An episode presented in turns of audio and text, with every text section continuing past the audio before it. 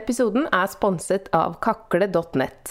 En fargeglad sybutikk på nett og fysisk i Bevergrenda, drevet av Gry Aamodt.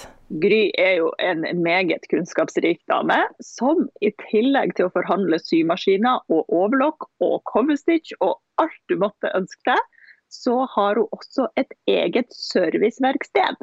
Ja, og i november så har hun et tilbud til oss. Ved kjøp av overlock eller cover hos Kakle, så får du 50% avslag på alt av tilbehør til disse.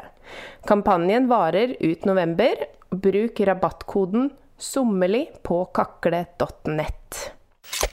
Hallo, Tanja. Hei, Mari, og hjertelig velkommen til episode 78 av Sømmelig podkast, som vi har via til Overlock.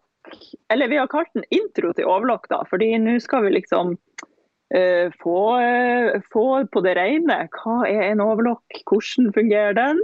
Og I forbindelse med det her så har vi jo stilt, eller vi har ikke stilt spørsmål, men vi har bedt lytterne om å stille oss spørsmål. Mm. Og eh, episodens mantra er et spørsmål fra en lytter. Gi oss mot til å prøve flere av maskinens funksjoner. ja, det håper vi at vi skal klare å kunne få til uh, i løpet av denne episoden her. Vi har fått inn, vi fikk inn uh, jeg vil si vi fikk inn mange spørsmål.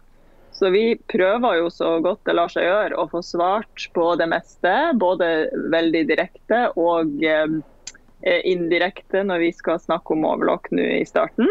Men vi kan jo begynne med å si litt om hvordan overlocker vi syr på sjøl, kanskje. Hva tror du om det? Ja. Hva syr du på for noe overlock? Jeg har en uh, Yuki overlock. Jeg husker ikke bokstavene og sånn, men den er uansett kjøpt for uh, sikkert ti år siden. Og så har jeg en Bernina overlock. Uh, og den er kjøpt for 15 år siden. Og begge de er husholdningsmaskiner. Jeg har ikke noe industrioverlock. Ikke sant. Sweet. Og den, den Berninaen som du kjøpte for 15 år siden, den suser og går fortsatt? Den er eh, Den gjør jobben, men eh, her om dagen så skjedde noe som jeg aldri hadde trodd at kunne skje. Oh, det tror jeg er min skyld. Jeg klarte å knekke et eller annet i den trykkfoten. Jeg skjønner ikke. I trykkfoten? Jeg skjønner ikke hvordan det skjedde. Den er jo laget av metall. Oi, så da ble jeg vel litt grann overivrig, kanskje. Jeg aner ikke. Men eh, Så den, er, den, har liksom eh, fått seg en liten pause nå, den eh, stakkaren, da. Må men du bestille ny trykkfot, eller hvordan er det? Det vil jeg tro, men jeg er jo en litt sånn person som utsetter ting, så jeg har bare satt den litt sånn til side. For jeg orka ja. ikke helt å forholde meg til at det skjedde. Ja. og nå skal jeg ta meg sammen og få gjort noe med det. Ja, ja så det, sånn er det. Sånn er det. Og hva med deg? Um, ja, hva med meg? Altså, jeg uh, styrer jo på en industriell overlock. ja. uh, og det er jo en drøm. Men jeg har sydd på um, husholdningsoverlock òg, helt frem til jeg fikk den her for et års tid siden. Så um, på bruket så har jeg jo husholdningsoverlokka til kurs, og da har vi eh, overlokka fra FAF, som er sånn luft, de sånne som har lufttreing. Og jeg syns de er litt skumle. Eh, ja, jeg skjønner at du syns det kan være skummelt, men jeg syns jo de er fantastisk digg. Fordi mm. Hvis noen av dere som hører på har prøvd å trene en overlock og kjent det bare sånn Dette går ikke, så er jo det her helt fantastisk. Du liksom stikker tråden der nede, da, der den skal gå gjennom all av eh, mekanikken på undersida inn i maskina. Ja, der det blir rot. Så under og over eh, griperen. Ja, der ja. det blir rot. Eh, der stikker man bare tråden inn i et sånn lite hull, og så er det en sånn som bare suger tråden gjennom eh, riktig tredd, og så spretter den ut på oppsida ved trykkfoten og er ferdig tredd. Det er altså så rart. Jeg har hatt ei på kurs som hadde det. Jeg var bare sånn Hæ? Hva har skjedd i verden? Ja. Altså, jeg, Ja, Ting skjer faktisk. Det blir lettere og lettere å være sier. Det er jo fantastisk. ja, altså jeg, da merka jeg, for jeg var jo veldig oppdatert på maskiner eh, en lang stund siden jeg jobba i butikk, men så bare sånn Der var jeg helt ute av eh, oppdateringene. Så når, når noen plutselig satt med den på kurs, så var jeg bare sånn Hæ? Jeg forstår det ikke. Ja, det er jo eh, fantastisk. Så til alle som hører på, hvis, eh, hvis du, du har vært redd for å få deg overlock fordi du ikke vil tre den, det, du kan faktisk eh, suge deg over det delen. Liksom. Du kan vakuum deg over den delen. Um, okay. så de har vi. Og så har jeg òg faktisk investert i et par sånne som er overlock og cover stitch i ett. Og denne episoden her skal vi jo ikke snakke om cover, um, så det får vi spart til en annen episode. Men kanskje sånn kjapt eh, til de som lurer, så er jo dette to ulike maskiner. Vi kommer litt mer inn på det eh, utover når vi skal forklare hva en overlock egentlig er. Um, men det finnes da sånne kombomaskiner der du må liksom ommøblere maskinen litt. Så blir det en cover stitch, og så ommøblerer du den litt, og så blir det en overlock. Som også er en mulighet. Ett. Da kan jo jeg røpe at min Bernina er en sånn kombinasjonsmaskin. Og Ja. for jeg var sånn Å, det er kjempelurt. Da er det mye mindre eh, greier som må produseres og sånn. Men jeg må innrømme, jeg trer den aldri om. Jeg bruker bare liksom. Ja. Nei. Jeg bruker heller tvillingnål eh, enn å tre om den. Og det er tullete. Eh, og jeg skal uh, Kanskje innen vi skal ha en cover-episode, kanskje det er tidspunktet for å ha Ja. begynt å bruke den andre funksjonen. Men nå må jeg først erstatte Kanskje. denne trykkfoten, da, så vi får se.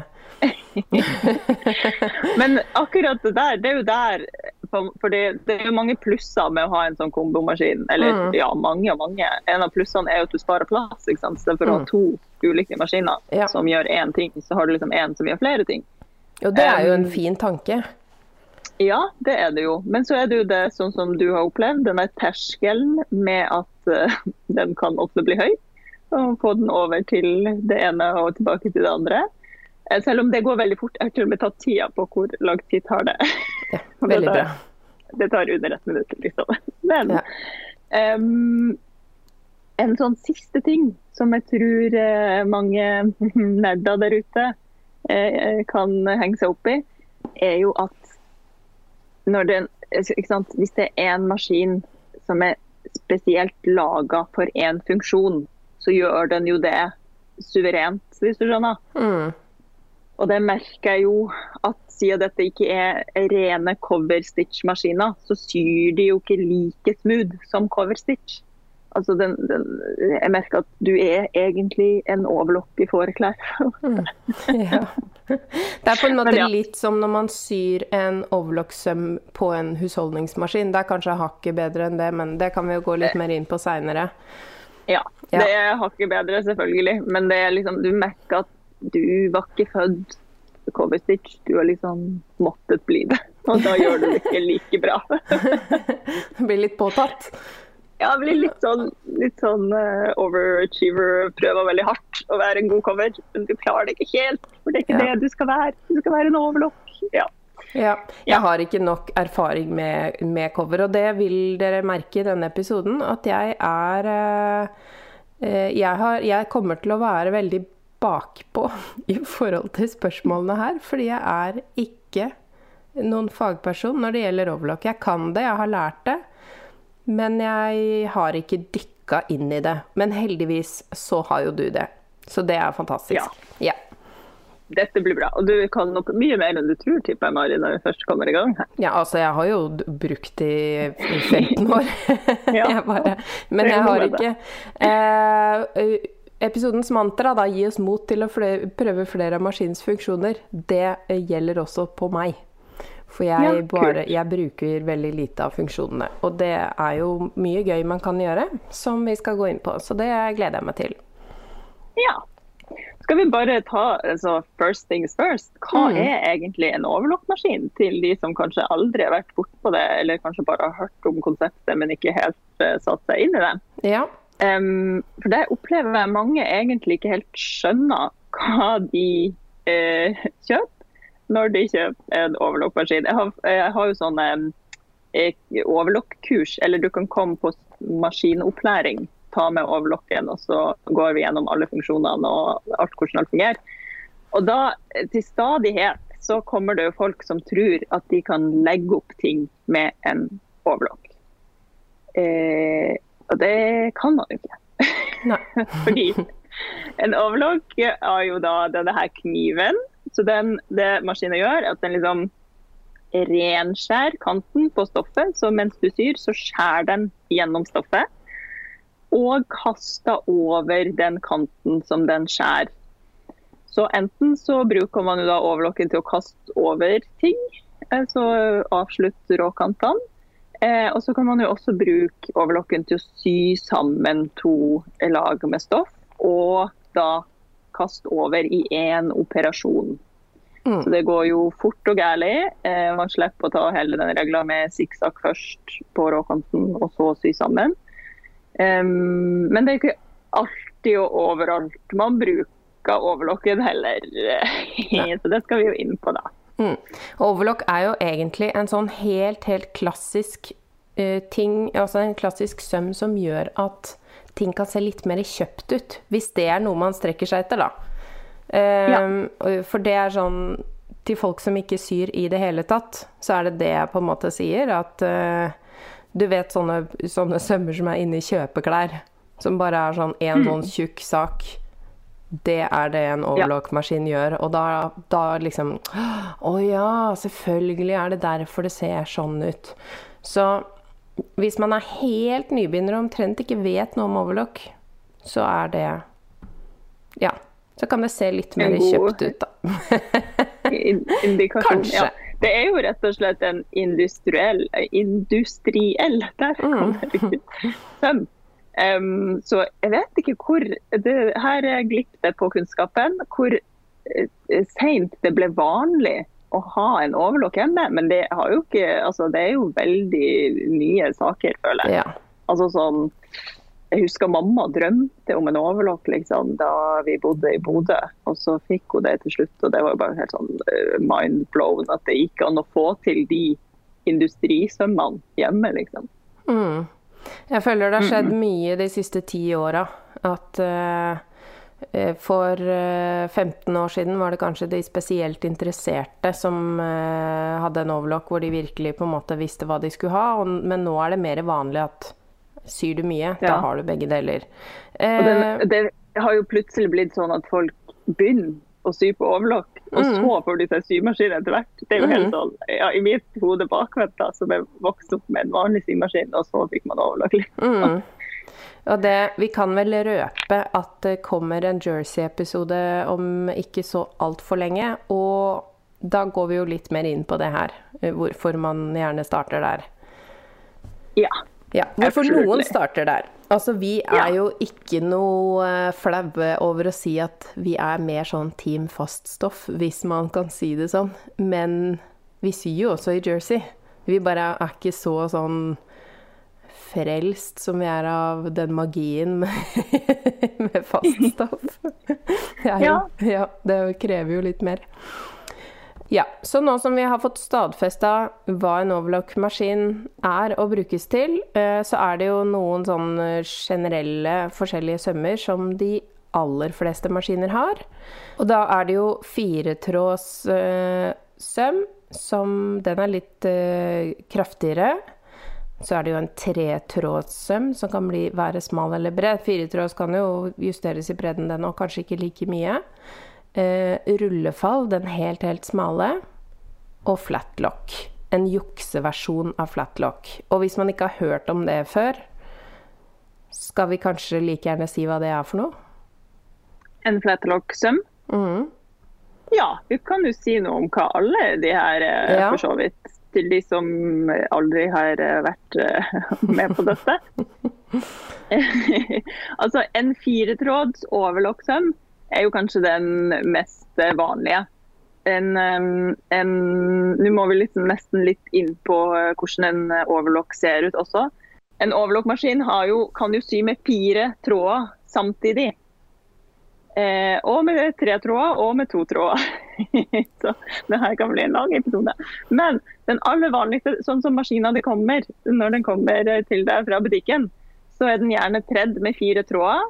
To som går eh, på undersida av maskinen, som blir underløkka og overløkka. Noen kaller det for undergriper, men da må du også si overgriper, og det syns jeg er litt et litt rart ord å putte inn i en ja, kontekst. Ja, overgriper, liksom. Ja. Det, blir for lada ord for meg. Øvre griper.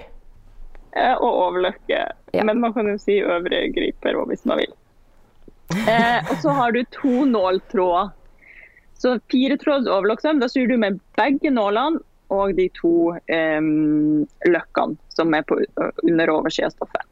Ok, og firetråds overlock, det er da den mest kraftige sømmen som man bruker for å sy ting sammen med, fordi siden den på en måte har to rettsømmer, eller altså en ekstra rettsøm som holder ting sammen, i tillegg til det, det som på en måte eh, kaster over, da. Så eh, når vi nå skal begynne å snakke om tretrås, så er den mer til å kaste over, mens firetrås er mer til å sy ting sammen og kaste over i samme operasjon. Yeah. Ja, så en tretråd, da fjerner man jo rett og slett den ene rettsømmen. Sånn som de sier på firetråd, så har vi to eh, nåler og syr to parallelle sånne rettsømmer. Det er egentlig ikke en rettsøm, men den ser ut som en rettsøm fra, fra eh, oversida. Mm. Mens på tretråd så kan man enten fjerne eh, den eh, høyre nåla. Da får man en bred tretråds. Eller så kan man fjerne den venstre nåla, og da får man en smal tretråds overlock. Og sånn som du sa, Mari, så er det eh, brukt til å kaste over råkanta. Så det er veldig mange som blir helt sånn um, forvirra av dette konseptet med å kaste over, tror jeg. Men det er jo å bare sikre råkantene på en mønsterdel. Så en, um, hvis man har en vanlig um, Eh, sømprosess. Da. Så har man jo klippet alle mønsterdelene, og så tar jeg de med en gang med meg til overlokken. Og så overlokker jeg rundt én og én mønsterdel der jeg skal ha overlokk. Der jeg ikke skal vrangsy eller ha en annen type avslutning på råkanten. Eh, så overlokker jeg de råkantene. Mm. Så det erstatter sikksakksømmen ute i, i, kanten på sømmerommet? I retten av sletten. Mm. Og det er jo her ja. vi snakker om det å få det til å se på en måte litt proffere ut. Selv om vi nok begge er enige at eh, skråbånd er jo Da tar man det jo enda et hakk videre, men det er ikke det det handler om. Eh, det Nei, ser proft ut med overlock. Det finnes jo mange, mange måter å, eh, å avslutte råkanta inn i front ja. på, og ja. overlock er en av de. Og denne, jeg, husker, jeg husker det her godt da, fikk, eh, eller da mamma fikk den overlockmaskinen. Så ble det plutselig bare så enkelt og kjapt og greit å få pene innsider, hvis du skjønner. Mm. Fordi, eh, og det tror jeg, jeg tror at mange hjemmestyrer kan få en liten sånn en liten eh, ny, et, finne et nytt gir eller få en sånn ny vår eller et nytt giv mm. hvis man investerer i en overlock. For da er det plutselig veldig enkelt å ja. få klær som ser kjøpt ut, liksom. Og det er jo, mange, det, er jo det mange har lyst på. At det ja. de syr skal se proft ut, på en måte. da. Jeg tror det er ja. det denne overlock og jersey-bølgen først og fremst handler om. At det bare er sånn Oi, jeg kan lage noe som ser så proft ut så fort, og som passer. Ja. Så, så det er, og det er jo kjempegøy. Jeg kan, uh, det er veldig gøy. Ja, jeg kan oppdage veldig kort tid før, uh, før f.eks. danseforestilling, da man får beskjed om at man skal ha en svart tights, og alle som kjenner meg litt, vet jo at jeg ikke eier så mange svarte ting. OK, full fart. Bare uh, klippe ut en tights, sy tre-fire sømmer på overlocken, fiks ferdig. Det er liksom Det er noe helt annet. Ja. Det går veldig radig, og det er veldig, veldig ja, greit, liksom. Mm. Så kommer man jo over eh, til det mer nederste stadiet etter hvert, der man kanskje får en sånn motreaksjon mot overlokket igjen, men eh, det skal vi ikke, så langt skal vi ikke i dag. I dag er vi på overlokket. Ja. Det er den som skal få skinne i dag. Eh, Yes. Og apropos det, da er det jo fint å snakke litt om hva som er synlig eh, fra utsiden av plagget også, ikke bare hva som foregår inni. Og da er jo rullefall en veldig populær finish, bl.a. på pentøy, eh, eller f.eks. sånne lange Hvis man tenker omkretsen på et sirkelskjørt, da er jo rullefall helt nydelig. Ja. Og det er jo i mm, avslutninga nederst. Og overlokken kan på en måte gjøre det for deg. Og lage en sånn smal, smal søm. Og rull eh, kanten av stoffet inn, så det ser ut som du har lagt den opp eh, proft, på en måte.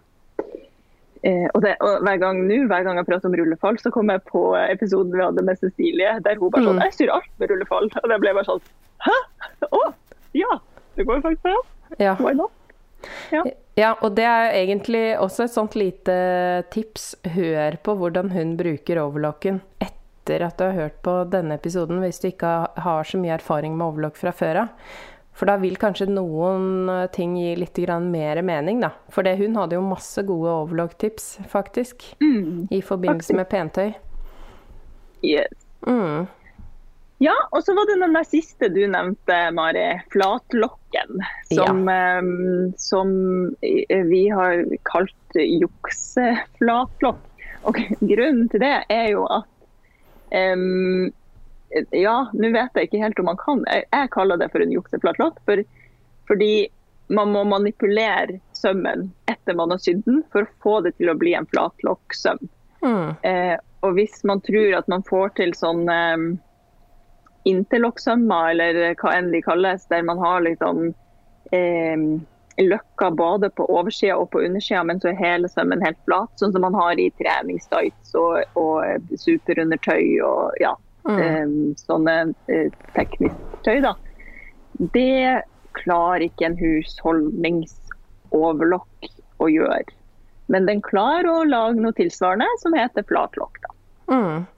Og Ja. Det jeg syns var litt gøy med, med den første gangen jeg så det, var at eh, når man drar den opp, da, for man syr den jo først, og så drar man stoffet fra hverandre sånn at eh, man på en måte Flata det ned, eh, gjør det flott, liksom. Ja, og da, og Mhm. da dukker det opp en sånn søm som på en måte egentlig ser ut som sånn Når man tegner et arr som barn, liksom, når man skulle tegne Ja. et arr på en sjørøver med sånne streker Ja. bare bortover oppå, Ja. oppå en skjøt.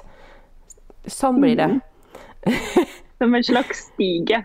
Mm. Men det kan, man da kan best, Eller man har jo eh, muligheten til å bestemme her. For på ene sida så er det det her arret eller stigen eller hva man skal si, de strekene. Ja. Mens på andre sida så er det jo faktisk de der løkkene som kan se ut som en sånn eh, interlock på et vis.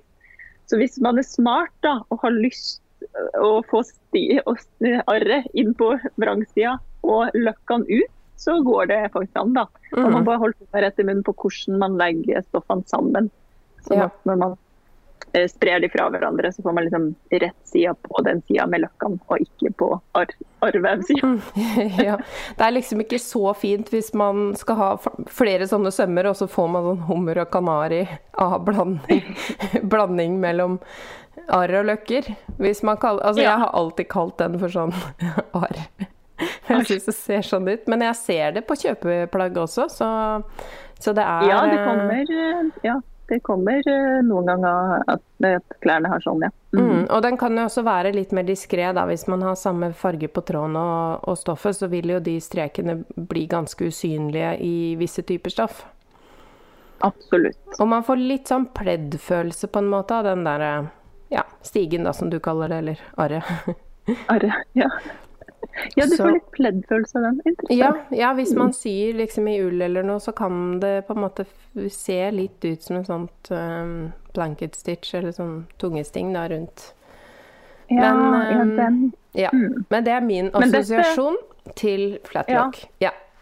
Men dette er jo kanskje det nærmeste man kommer eh, at det kan se ut som man har sydd midt i et stoff med en overlock. For det Mm. må alle bare huske på. Det går ikke. Altså overlokken er laga for for å sy langs kanten på et stoff. Den har Mm. denne kniven, og kniven skjærer. Så du kan ikke liksom sy på en lomme midt på med en overlokk. Og du kan ikke eh, brette opp en eh, oppleggskant og, og sy den ned med en overlokk. Mm. Overlokken er til for å kante eller sy sammen langs kanten. Ja. Eh, Ja. Huskeregel kaste over, over lokk. Not that at all. Ja. Ja, og, det, det, og det største spørsmålet da på mange som kan få kurs hos meg, er sånn Ja, men hva skal jeg gjøre da når jeg kaster over alle de mønsterdelene? Ja, da må du sy de sammen med en vanlig symaskin. ja. Det er svaret. ja. Eh, med mindre du da bruker overlokket til å sy ting sammen.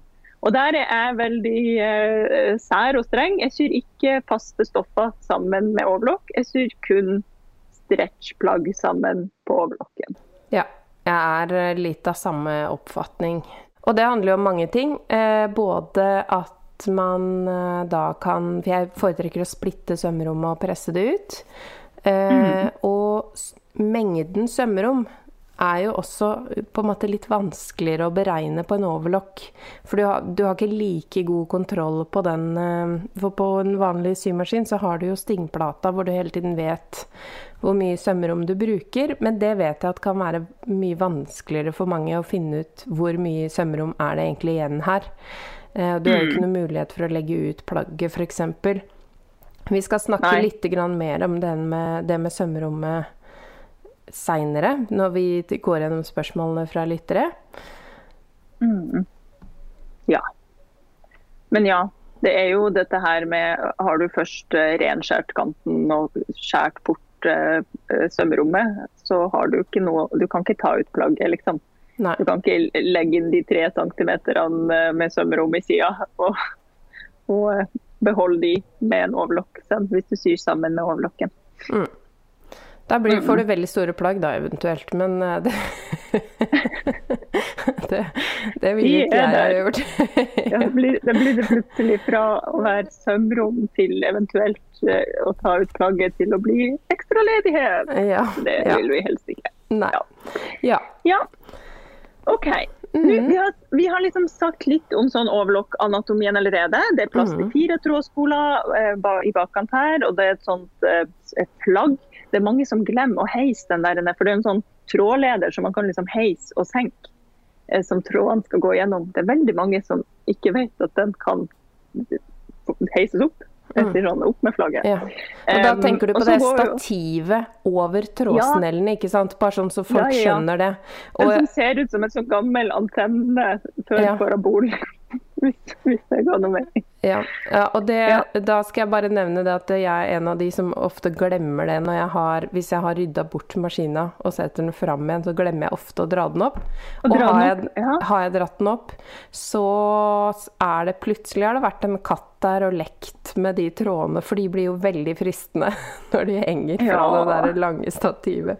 Så den er veldig ofte snurra rundt seg selv et par ganger. og der blir det mye rot, så følg med på uh, stativet, folkens. Ja, følg med på hva som skjer der. Og det er egentlig veldig lurt uansett. fordi plutselig så kan jo sømmen begynne å bli rar, og så blir man bare sånn Å nei, hva er det som skjer? Og noen ganger så er det bare å slå opp øynene og se på spolene, for kanskje Ja. har tråden satt seg fast i den ene spola på et eller annet vis. Ja. Eh, som gjør da at, at tråden blir mye mer spent enn den skal være. Ja, det er jo skjer sånn- ofte hos meg. Ikke sant? Ja. Det er sånn luretrykk. luretriks. Ikke få panikk og fortsette å sy. Bare slipp alt og se over. Er det noe tråd som sitter fast noe sted? Mm. I synlig, i rek innenfor rekkevidde. Og en annen Eh, ting, ja. det der når man går tom for tråd mens man syr, det merker man jo heller ikke på samme måten som på en vanlig symaskin. For da plutselig så har du kanskje overlokka hele plagget på en måte ferdig, for du ser at eh, å, her var det jo tomt for den ene tråden for så og så lenge siden, hvis du er litt uheldig med hvilken tråd det er. Eh, og da kan jo sømmen bli litt svakere. Yes, Ja.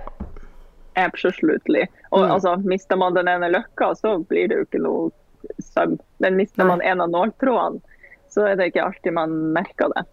Nei, det, det, har skjedd meg mange ganger, og også eh, hvis man da mister en av løkkene midt inni en søm, og det derre Hva skal jeg gjøre nå? Skal jeg bare kjøre over den forrige? Skal jeg Altså, det dilemmaet. Sånne dilemmaer får man jo med overlokket.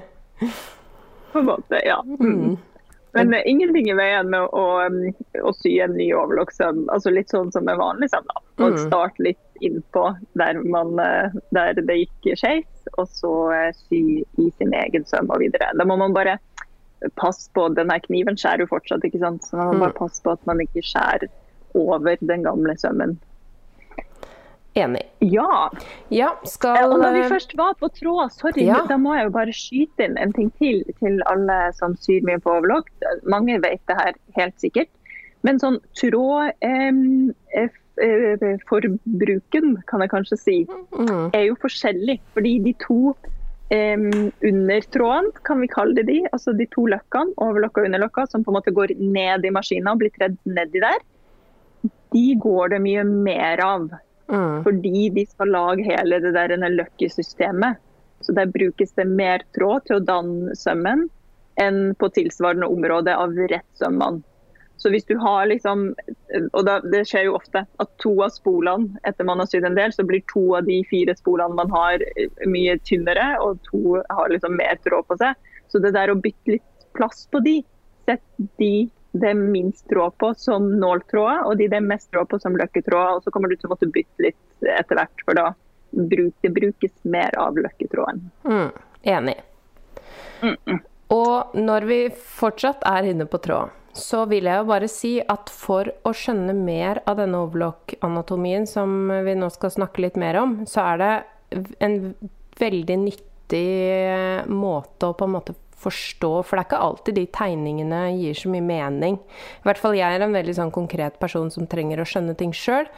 Eh, og det å tre maskina i forskjellige farger mens man mhm. stiller på ting for å på en måte forstå maskina, og når jeg, når jeg skrur der, så skjer det, og når jeg skrur der, så skjer det, så kan det være kjempelurt å tre med forskjellige tråder, og så lage seg et sånt ark hvor man noterer på en måte sånn her har jeg skrudd på det hjulet her, og da skjedde det. Eh, fordi ja. hvis man ikke bruker overlocken hele tida, så er det veldig lett å glemme fra gang til gang hva Og hva var det med den der igjen, og sånn. Da kan det være mm, fint mm, å bare lurt. ha det med de forskjellige fargene.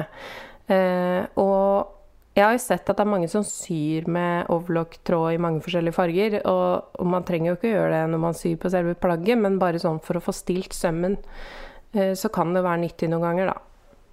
Mm, og bare for å skjønne, fordi um, der kan det være et uh, smart lite tips. For når du ser på maskina, fra, ned fra parabolen eller flagget eller antenna eller hva jeg skal si, så går, jo, uh, så går jo hver tråd ned i hvert sitt spor. Og de altså, jeg vil si, jeg har aldri sett en um, overlock som ikke er laga sånn at i fronten på maskina, i forbindelse med disse sporene så har du enten et hjul eller en spak. Og disse hjulene eller spakene har hver sin farge. Ofte er det rød, gul, grønn og blå som blir brukt. Primærfargene. Liksom. Mm. Gjør det Og, det, og da, ikke sant, eh, Hver eh, tråd har liksom sin egne farge. Da kan du tre maskinen i de fargene som maskinen har på de fire ulike trådene på eh, trådspenninga, som er de hjulene. ikke sant? Mm. Da blir det enda lettere når du syr noen prøvelapper. Så har du liksom samme fargen på tråden som på hjulet, trådspenningshjulet. Og mm. kan eh, veldig lett se hva som er hva. Og å forstå hvem av disse som er underløkka eller undergriperen, og hvem av disse som er overløkka eller øvre griper, er veldig lurt. Ja. Veldig smart. Og øh, Nå kan det være at noen arresterer meg, men jeg vil tro at på all, altså alle overlokker jeg har vært bortpå, så er den tråden som er lengst til høyre, det er undergriperen, eller underløkka. Og så den som kommer da som nummer to fra høyre, det er overløkka. Kan være noen ikke er sånn, men jeg har ikke møtt på de. Nei, og det som er eh, ganske vesentlig inni der når man trer de to, er jo at den ene skal ligge litt over den andre. Eh, og da må man jo følge litt med på rekkefølgen på de. Og veldig ofte det som blir gærent, i hvert fall på mine maskiner, så har jeg slitt med at den øvre, altså tråden i den øvre griperen legger seg feil. Og det, Ja. altså det var en sånn eh, Jeg forstår ikke hva som egentlig utgjorde forskjellen, men den måtte jeg bare tre og tre og tre og tre i begynnelsen.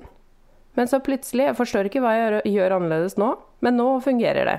Sånn at Ja. noen ganger så er det akkurat som at man bare må få litt sånn mengdetrening med den treinga.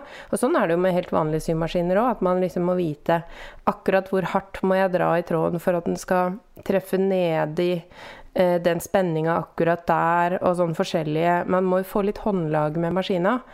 Eh, og selv om veldig mange tenker at overlock tar lengre tid å tre og på en måte er mer sånn tungvint, så er den, det å prøve å tre den mange ganger i begynnelsen til man føler at man har knekt koden, da går det også mye fortere senere. Så det er verdt å bruke tid på, og selv om man kanskje ikke helt forstår greia, i hvert fall prøve å studere tegningene nøye, og, og det kan være en sånn kjempeliten filleting som gjør at sømmen blir feil.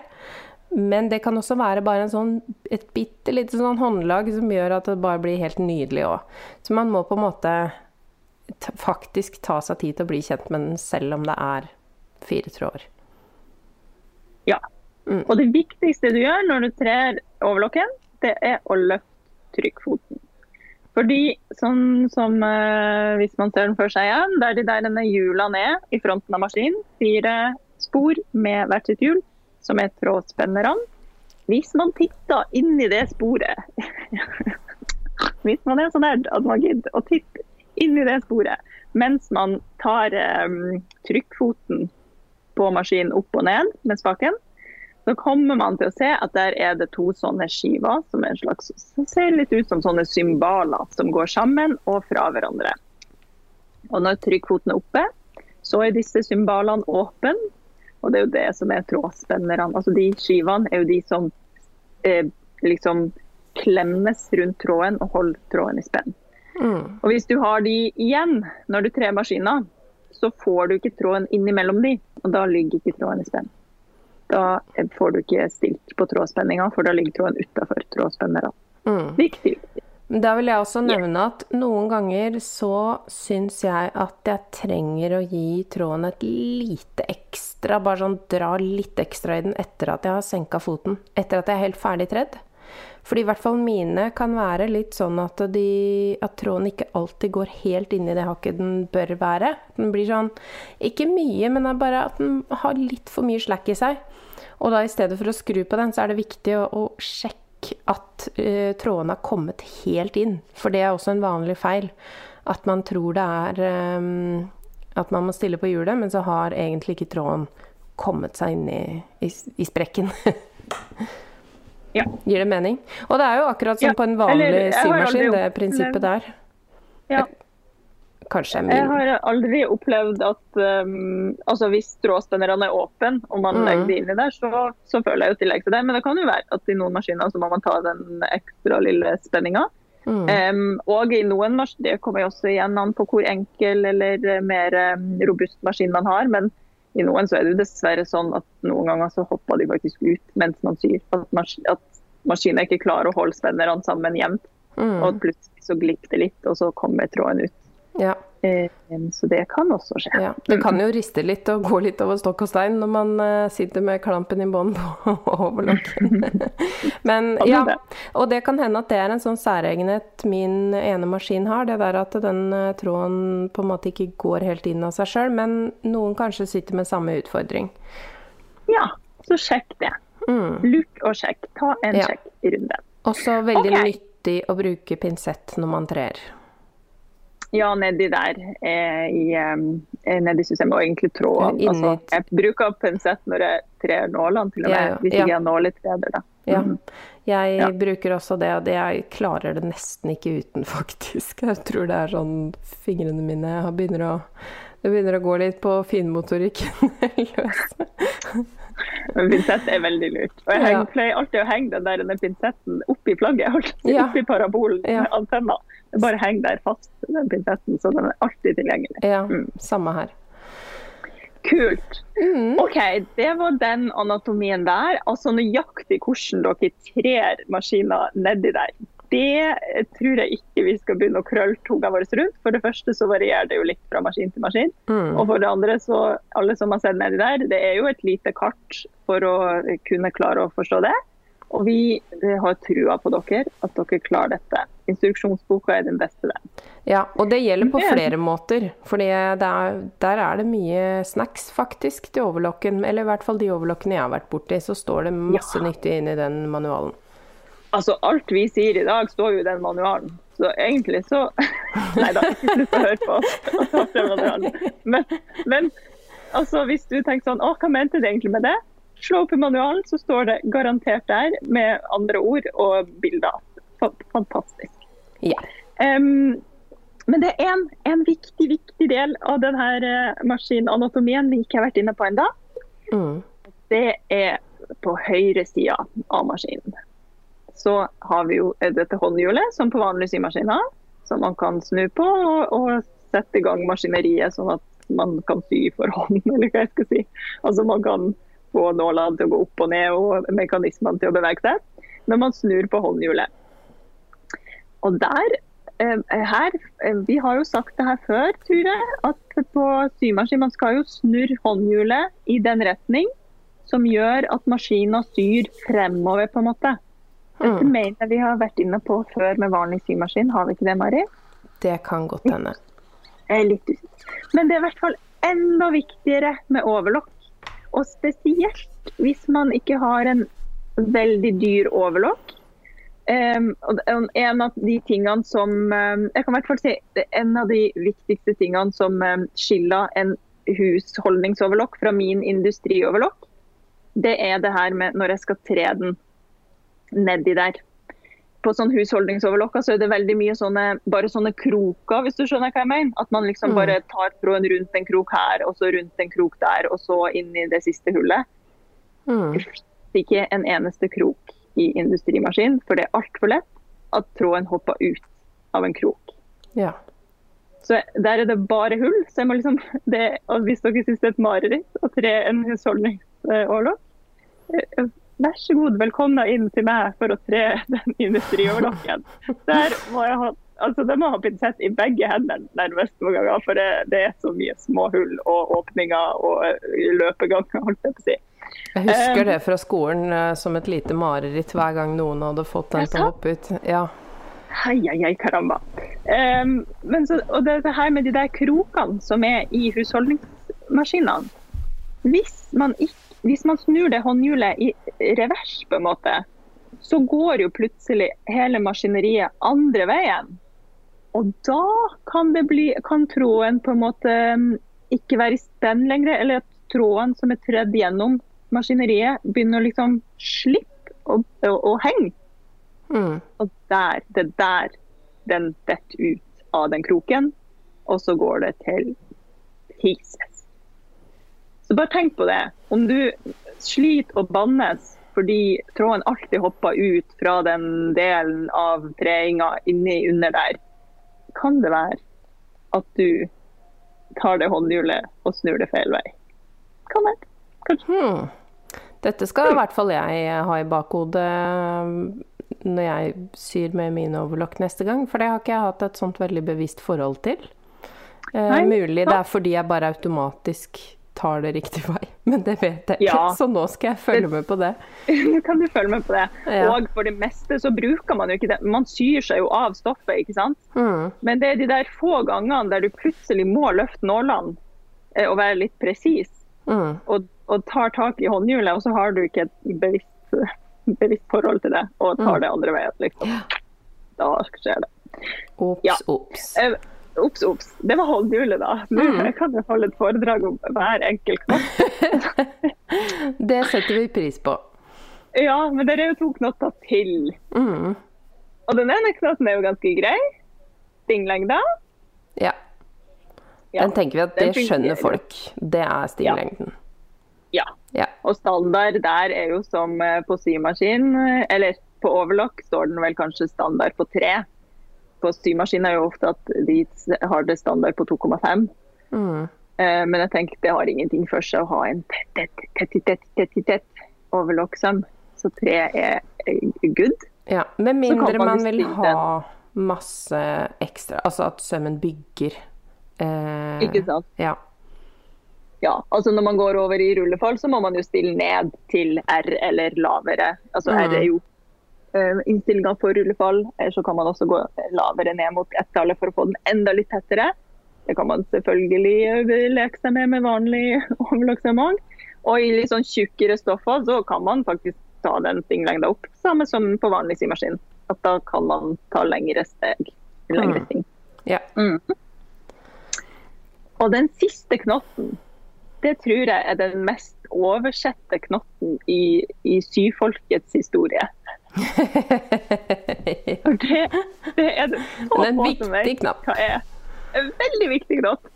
Det er jo den her differensialmaten. Husk det ordet, dere. Noter ned det ordet.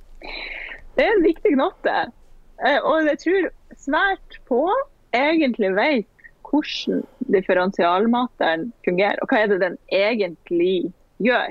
Mm. Mange vet at ja, det er den jeg skal skru på for at det ikke skal snurpe seg eller strekke seg. Men hva er det som sånn rent mekanisk skjer, er det ikke så mange som vet. Og det kan jo jeg fortelle alle sammen. ja. For det som skjer er at på en overlock så har man um, to eh, transportører. Man har, altså på en vanlig symaskin så har man jo under transportøren som mater, og det er en transportør. Mens overlocken har to undertransportører. En som ligger i forkant, og en som ligger i bakkant. Og det har vel, hvis man tenker seg om, så har man kanskje egentlig lagt merke til at det på en måte er to sånne rader med tenner, eller hva man skal si. Mm, ja, for det er jo ganske mye lengre område. Altså, eh, trykkfoten er jo mye lengre, og området under trykkfoten er også mye lengre. Mm. For der er det plass til to sånne transportører som ligger. Mm. Og eh, det er den fremste. Nå igjen kan hende at eh, det varierer. Men så vidt jeg forstår, og så får folk bare eh, protestere, så styrer differensialmateren den fremste transportøren.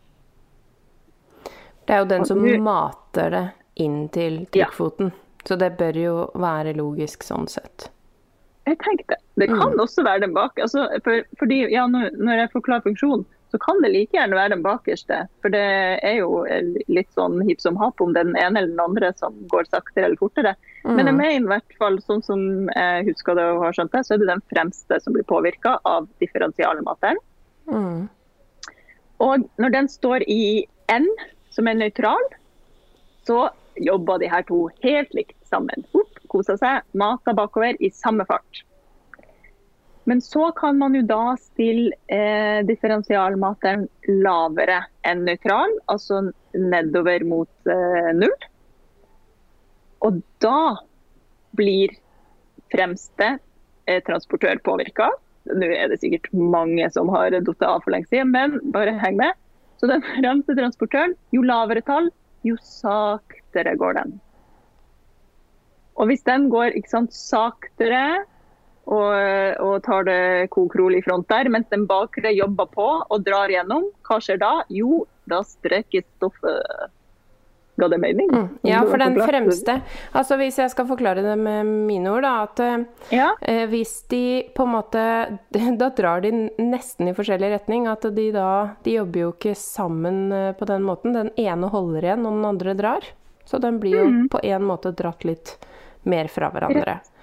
Og det er nesten lettere å forstå hvis man da tar den, andre, den neste i motsatt ende av skalaen.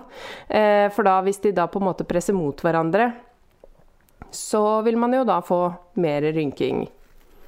Yes.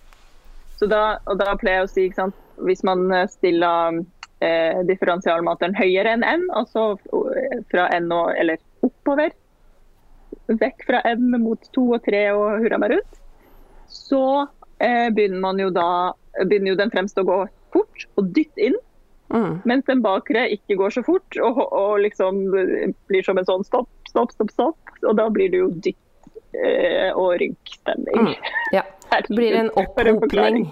Den, den som holder igjen. Det er som en bilkø. Flaskehals. ja. Hva, hvordan flere bilder kan vi gi dere på det her? Men ja.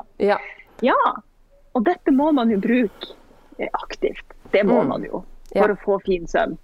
Så hvis sømmen driver og bølger seg, sånn som eh, nå blir dette sikkert helt eh, eh, feil timingmessig, men jeg så jo en episode av Symesterskapet her om dagen der de sydde sånne dritkule eh, zero waste-gensere etter et fantastisk mønster.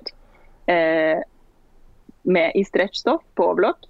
Og det var mye bølgesøm. Og da kjente jeg differensialmaterfingrene mine. De ble aktivert. Det var bare sånn Å, nei, nå må dere stille på diffen. Still på diffen. Ja, ja. Eh, ja. Så sant? Hvis man får en bølgete søvn som man ikke har lyst på, så still på diffen. Still Mm. på diffen. Godt tips. Ja, og, og eh, ikke sant, motsatt òg. Hvis Mm. sømmen snurper inn stoffet. og Det kan Ja. ofte skje når man går over til litt tynnere stoffer. Mm. Så blir det plutselig snurr på rama. Mm. Igjen, still på diffen, sånn at den fremste går litt saktere. Hold igjen, og så strekkes sømmen ut. Mm. Og da skal jeg bare nevne, fordi at et eh, typisk sted hvor det her er veldig stygt, er jo da hvis det er et klesplagg hvor det har skjedd i sidesømmene, så er det akkurat som at plagget liksom henger igjen litt i sidesømmene, og så eh, blir det nesten så det trekker seg litt oppover i sidesømmene, og så går ned på midten. Og da er jo det veldig dumt. Men syr man da eh, noe sammen som er klippet på skrå, så er det jo helt topp om den Ja. eh, hjelper til med å holde ting litt sammen, i stedet for å bare gi enda mer. For kjører du da litt for mye strekk på en søm som har litt for mye fleksibilitet fra før av, da blir det jo litt krise. Da får man sånne lange hengende hjørner eh, der hvor plagget møtes. Det er ikke så veldig, hvor sømmene møtes. Det er ikke så veldig fint. Ikke særlig kult.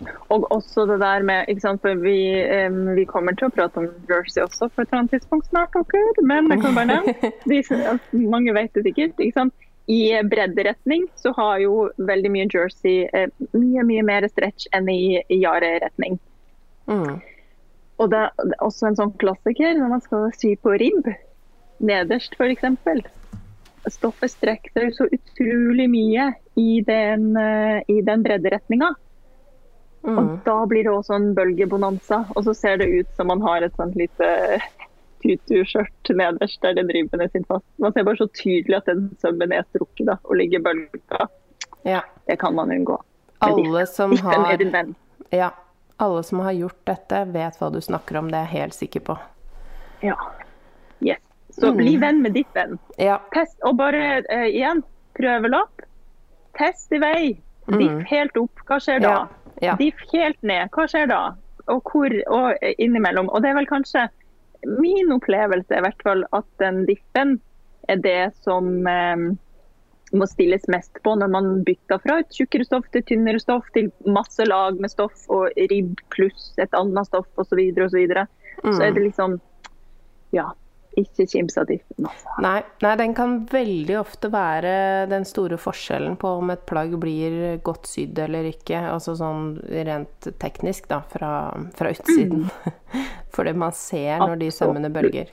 Ja. Yes. ja, er vi kanskje klare for litt spørsmål fra lytterne, da? Eller hva tenker du? Ja. Ja. Ja, jeg tenker jo egentlig det. Kanskje det bare det siste vi kan si er kniven kan Ja, også stilles. Kniven, Kniven kan også viktig. stilles. Kniven kan også stilles, dere. Ja. Så skal vi si veldig mye mer om det. Jeg tenker, Finn ut hvordan du stiller kniven. Eh, og, for jeg vil jo si at ofte er det kanskje ikke veldig mye behov for det. Spesielt hvis maskinen er ny og du syr i veldig sånn straight forward, ikke noe veldig tynne eller veldig tjukke stoff. Men vit at kniven kan stilles, og så tror jeg kanskje vi bare går videre for å ikke bruke for mye tid på dette. Mm. Ja, eh, jeg er enig. Ja, og vi, før denne episoden så spurte vi ø, dere lyttere på Instagram, da, de av dere som er der, ø, om ø, dere lurte på noe rundt overlock. Og det, der var det mye. veldig mange gjengangere som vi har prøvd å samle opp litt. Og mye har vi jo prøvd å bake inn i episoden, men noen helt konkrete spørsmål. Nå kjører vi. Første spørsmål. Kan man bruke vanlig symaskin, og hva er forskjellen? Og det føler jeg at det er jeg trygg på, og at det kan jeg svare på. Og eh, man kan det. Det fins også tilleggsføtter eh, som gjør at det ligner enda mer på en overlock-søm. Eh, men forskjellen er jo tydelig allikevel. Eh, det er to forskjellige maskiner. Eh, man kan jo få en søm som på en måte har en rett søm og en sikksakk i én som man kan dra i. Eh, men jeg må innrømme at da foretrekker jeg nesten elastisk rett søm og kastover med sikksakk. Ok, Neste spørsmål. Må man feste overlopptråden? Jeg svarer veldig kort og enkelt ja, det må du. Ja, og da er jo selvfølgelig neste spørsmål hvordan feste tråden? Og det er flere måter å gjøre det på, men den jeg syns er eh, den mest effektive og enkle, det er å bruke en sånn stoppenål og ta halen på overlokken. At eh, jeg syr alltid så jeg har en, eh, en ekstra hale av sømmen som jeg kan putte inn i øyet på en stoppenål, og så trer jeg den imellom stofflagene inni på en måte det bredeste partiet på overlokkssømmen. Og så klipper den av sånn etter fem centimeter eller noe inni der. Mm. Hva gjør du? Yes. Jeg gjør det, og fordi jeg er litt paranoid, så knyter Altså jeg lager en sånn skredderknute helt, helt inntil eh, stoffet, og så gjemmer halen inni der. Eh, og så kan vi jo si at hvis, hvis, det er et sted der du uansett kommer til å overlokke over igjen, og skjære over og skjære vekk det du nettopp har festa, så er det jo selvfølgelig Da blir jo sømmen festa med en annen søm. Ja. det mening? Ja. Altså Hvis du har sydd en overlock og vet at du skal krysse den sømmen med en annen overlock-søm, da trenger du ikke ja. å feste. Mye bedre forklart. Og da skal jeg nevne at jeg planlegger faktisk syrekkefølgen basert på det. Sånn at jeg ikke trenger å feste mer enn et par tråder. Overlock-tråder. Mm. Yes. Og apropos det her med planlegging og ikke fest for mange overlock-tråder. Spørsmål her. Hvordan få pene 90 graders hjørner? Hvordan sy hjørner, buer, både innvendige og utvendige på en pen måte? Um, jo, det har jeg faktisk en hel highlight via til det her i min, på min Instagram. Så gå inn der. Eh, den er ganske langt bak, det var lenge siden. Men der viser jeg altså alt indre 90-graders hjørner, vanlig 90-graders hjørne, bue, altså alt, alt, alt. Eh, for det som er nydelig, er jo hvis man, hvis man begynner å um, mestre alle de her eh, krukspointene, hvis jeg kan kalle det det, så trenger man jo bare å feste én hale. For da starter du på den ene delen. Det her er jo hvis man kaster rundt et helt mønsterstykke, da. Da starter du i det ene hjørnet, og så kaster du rundt hele mønsterdelen. Dup, dup, dup, og så slutter du på samme sted der du starta, og har bare én hale igjen. Så man ikke alltid syr seg av og av og av og har mm. tusen haler å feste til slutt. Mm. Eh, yes. En sånn kortversjon av en måte å forklare det på er jo pass på å sy sakte og vri mens du syr. Og er det et, et, indre hjørne, altså et hjørne hvor du syr ned til et hjørne, så må du jo stoppe sånn at du ikke skjærer videre i stoffet. Det tenker jeg til de som ikke kan gå inn på Instagram og sjekke. Man kan vel det selv om man ikke mm. har profil. Men uansett ja. så er det jo det å sy da ned og stoppe før du møter stoffet igjen. Og så rett og slett en liten sånn brettemetode der du vrir så den blir liggende rett videre, den kanten. Eh, gir det mening? At man på en måte man vrir det hjørnet, og da blir det jo en sånn liten pose med stoff som man må passe på at ikke lager en rynke, og så syr man videre rett fram. Mm. Det gir mening. Jeg tror det er vanskelig ja. å, å, ta inn over seg Det gir jo mer mening fordi jeg vet hva du prater om. Ja. Hvis man er helt sånn så tror jeg det lønner seg å se det. Og da, ja. Vi kan jo kanskje se om vi kan putte putte en, en link til din Instagram-profil på en eller annen måte på Patrion, og se om det er en fin snarvei for de som ikke, ikke er der engang. Mm. Eh, Det kan vi prøve. ja. Men altså, Mari. Vi, alle disse spørsmålene, det er jo så fantastisk at eh, folk lurer på så mye og er så engasjert i overlock. Og vi, siden vi er så heldige og har en nydelig sponsor i denne episoden, så er det jo ingenting i veien for at vi stiller noen av disse spørsmålene direkte til Gry. Syns du ikke det? ja, skal vi bare slå på tråden til Gry, da, kanskje? Da gjør vi rett og slett bare det. Hallo, Gry, er du der? Hallo, hallo! Hei, hei. Velkommen hit, Gry fra Kakle. Um, vi har jo spart noen uh, overlock-spørsmål til deg, ettersom du er uh, en sånn ekte ekspert på dette. Eh, så da er første spørsmål Hva må stilles om stingene som skal ligge ved kanten, er dratt mot baksiden? Jo, hvis stingene er dratt på baksida av stoffet ditt, så er det som regel trådspenninga som ikke er helt som den skal. Fordi vi vil jo at trådknutene skal møtes på midten av stoffkanten din. Altså den øvre og nedre griperen de skal treffes på midten av stoffkanten.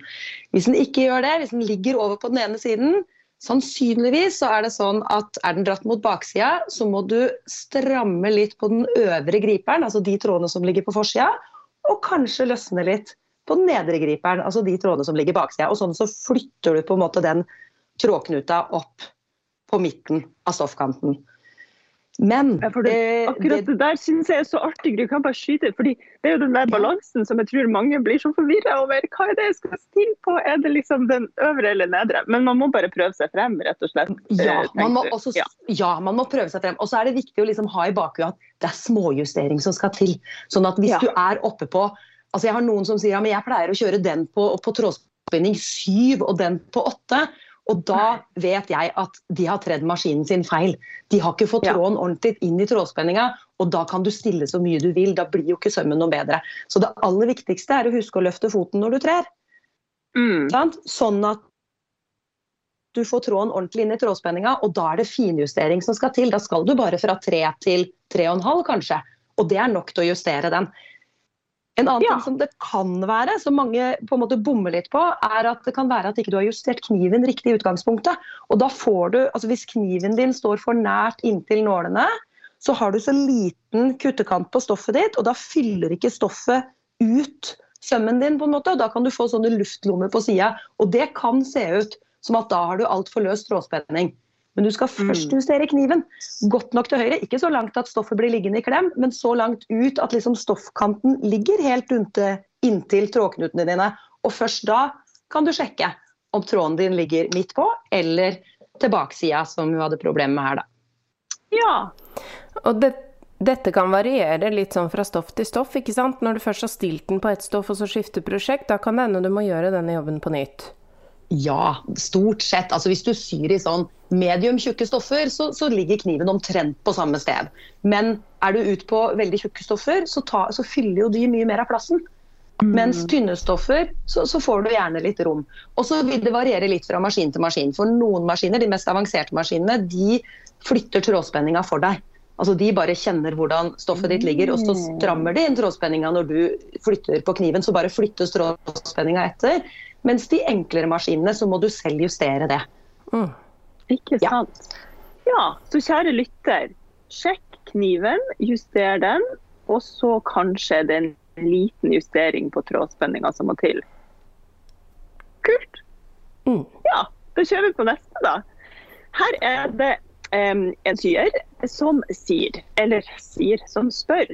Eh, Det virker som vedkommende syr mest til baby og barn, og også syr en del tilbehør. Så det, og da spør hun, eller han, jeg er litt usikker på om dette var hun eller han, i forbindelse med det her, er det bred, en, er en bred overlokk bedre enn en smal tretråd når um, vedkommende skal sy til babybarn og tilbehør?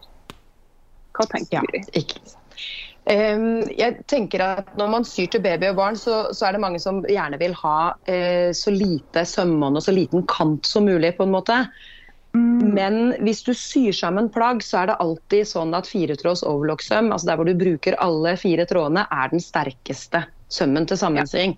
Sånn at jeg vil anbefale å bruke den, men du kan jo eventuelt justere kniven og, og, og få en litt smalere søm hvis det er veldig viktig for deg.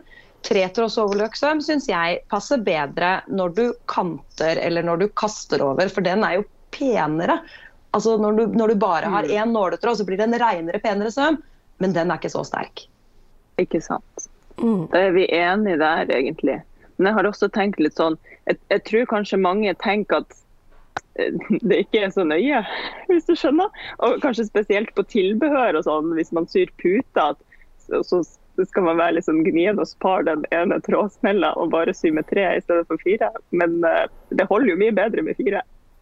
Ja, tror, og så tror jeg også det er litt andre veien. At det er mange som når de skal kaste over, så gidder de ikke å ta ut den ene nåla. Så jeg, ja, jeg, vet, jeg, jeg kjører bare, det er, det er fire tråds jeg kan, jeg kjører bare med fire tråds. Men det er så liten justering som skal til. da. Du må bare klippe av den tråden, ta ut den nåla, og så får du en mye reinere, penere overkast, som også tar mye mindre av sømmene ditt. da.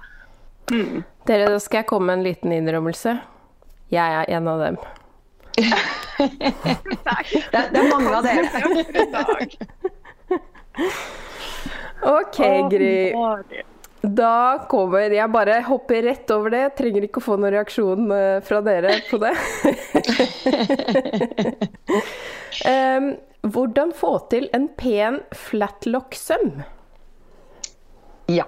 Flatlock-søm det er jo den overlock-sømmen som du syr. Da syr du en overlock-søm, brei eller smal, med tre eh, tråder. Og så enten om du, altså Noen maskiner stiller du på trådspenninga, andre så flytter du, altså velger du annet sømvalg og flytter over en tråd. Men poenget er at du stiller inn maskinen sånn at du kan dra sømmen flat. Eh, punkt én er at du kan kun kjøre flatlock-sømmer på tynne, fine stoffer. Fordi at det skal jo være plass til det stoffet inni den flatlocken. Og det er jo tre lag med stoff som da skal være plass til inni den flatlocken. Så det gjør seg ikke. Det går ikke an med tjukke stoffer. Så her snakker vi tynne stoffer. Og så må du da stille inn maskinen din rett til flatlock-søm, sånn at du får den, altså nåletråden f.eks. må være helt løs for at den skal kunne dras ut.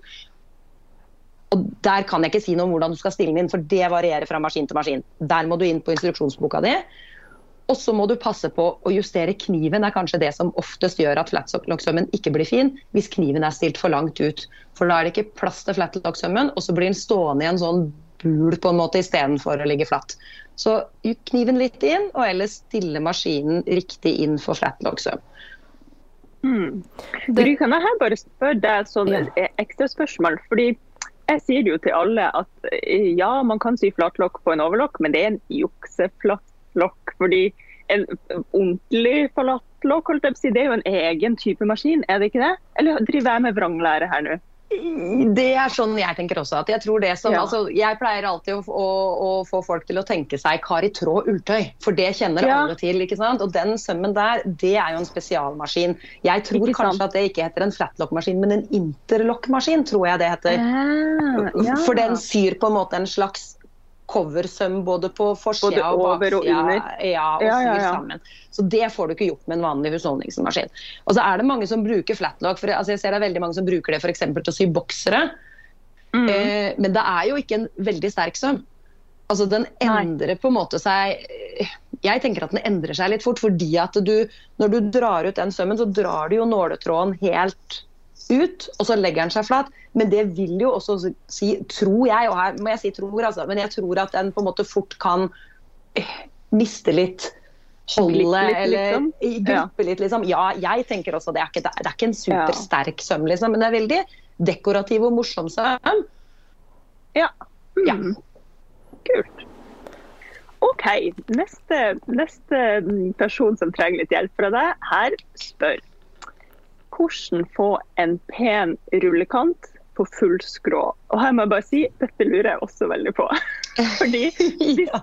Men nå vet du, denne personen her har jo ikke utbrodert eh, problemet, men jeg kan utbrodere eh, problemene jeg ofte støter på når det blir full skrå. Mm. Og det er jo, hvis du skjønner, ikke sant, med en gang eh, eh de eh, vevetrådene ligger inni der på, eh, på skrått og stikker ut, så det er akkurat som at når um, maskinen ruller stoffet, så får jeg fortsatt de små, fibertrådene ut. Skjønner du hva jeg mener? Ja. Eh, og akkurat det eh, er det ikke så mye å gjøre med. Sant? Det, Eh, er, det er bare sånn jeg må liksom akseptere. akkurat det med, med at stoff, altså fordi at rullekant også egner seg bare, altså egner seg ikke i alle stoffer. For de Mm. stoffene som har mye trådfiber som stikker ut, og da tenker jeg enten sånn som du snakker om at det er mye frynser, du, du kjører alltid med kniven når du syr Mm. rullekant også. Eh, Du kjører alltid med kniven, sånn at du kutter eh, på en måte stoffkanten din helt jevn og fin før han begynner å rulle. For Mm. noen sier nei, jeg bruker ikke kniven, så jeg bruk alltid kniven. For det er jo det som er poenget med overlocken, det er å få den helt fine eh, skjærekanten før den begynner å jobbe med stoffet. Ja. Eh, så, så det er liksom punkt én. Kutt. kutt. Eh, rullekant kan også bare brukes i tynne, fine stoffer. Fordi stoffet skal jo rulle seg inn. Ikke sant? Og det, det, kan ikke, det er ikke plass til at et tjukt stoff ruller seg inn. Og så har jeg prøvd det på sånn Genille f.eks. Det er jo i utgangspunktet tynt nok, men den pelsen den stikker jo ut av rulle, altså ut mellom trådene. Så det blir jo ikke pent. Men, men en annen ting med full skrå. Eh, Jeg, når jeg leste spørsmålet, så tenkte jeg at hun har sikkert problemer med at det strekker seg. Ja. Eh, Ville Det jeg tro, ikke sant? For når det ligger Ja, på ja, ja. skrå, så får det jo veldig, veldig eh, strekk i seg. Sånn at jeg ville prøvd å stille på differensialen. For Mm. når du stiller på, altså Det er den du vanligvis stiller på når du syr i stretchstoffer for å kompensere for stretchen. Men på full skrå så vil du få veldig mye stretch i et vanlig vevd stoff. Og da kan du prøve deg fram på å stille litt opp på differensialen, så vil den på en måte holde stoffet litt sammen. ja, ikke sant. Godt Mm. poeng. Og det er da hvis man ikke vil at det skal bølge seg. Men eh, for de som vil ha denne trendy bølgekanten i mer rullekant, hva gjør man da? Ja, da, Hvis du allerede har et stoff med stretch i, og du ønsker deg rullekant med de små bølgene, så rører du ikke differensialen. Da har du differensialen på én, og så vil stoffet strekke seg. Og Hvis du vil ha enda mer bølger enn det, så kan man jo også da dra differensialen ned under null. Og da vil den strekke stoffet for deg, og så vil du få enda mer bølger i stoffet. Så hvis du ønsker deg det, så jobber du motsatt vei med differensialen. Mm. Gøy! Ja, da håper vi at eh, dette mennesket fikk litt påfyll her på rullekant. Og det fikk eh, jeg òg. Eller jeg fikk liksom litt mer ro i sjela på at det ikke eh, er min feil at det noen ganger stikker sånne små fiber ut. Du får kanskje ikke gjort noe mer med det. Jeg kan sitte og pille med nål og, og liksom eh, og få, prøve å stappe det inn og sånn, men det går jo ikke på fall på flere meter. Kan du ikke sitte med nåla mi. Det du kan også prøve, eh, at enkelte stoffer, hvis du har en overlockmaskin som syr en smal fall for det er, det, no, det er det noen overlockmaskiner som gjør. Noen syr bare overkast, og så er neste rullekant. Mens noen syr det som er en smal fall, hvor den bretter inn Ja. stoffet én gang, og så syr en, en smal fall over. Det kan egne seg bedre i litt sånn løstvevde stoffer. Ja, ikke sant. Jeg har, um, har forska litt i det der òg. Og til Ja. slutt, vet du hva jeg egentlig har landa mest på?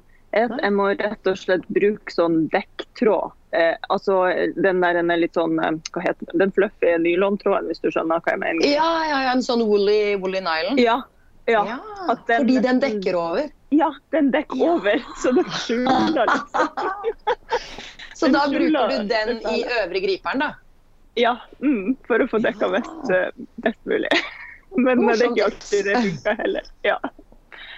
Her lærer vi nå alle sammen. Ja, eller er sånn. gøy. Ja. Alltid, alltid mye å teste. ja. Um, Nå, neste og egentlig siste spørsmål vi tar oss tida her til, Gry, det er fra en som har um, følgende problem. Personen spør hva skal man stille på om sømmen ikke blir elastisk nok og ryker fort? Ja. Veldig ofte da så vil jeg sjekke om altså, Da vil jeg sjekke om du har tredd maskinen rett. Ve- ve- Veldig ofte når du får, når du får på en måte for stram søm, så har du ikke tredd maskinen din riktig. Og igjen tilbake til løfte foten når du skal tre, for det er det mange som glemmer. Og hvis du har foten senka, så har du jo trådspenningsskivene aktivert, altså de står sammen, og da legger du tråden bare på utsida. Og da er det helt tilfeldig hva slags trådspenning du får. Så det er det første. Opp med foten, og så sjekk nøye at du trer maskinen din riktig. Så ville jeg sjekka nåla. At du bruker riktig nål. Både at den ikke er slitt og at den står riktig eh, montert.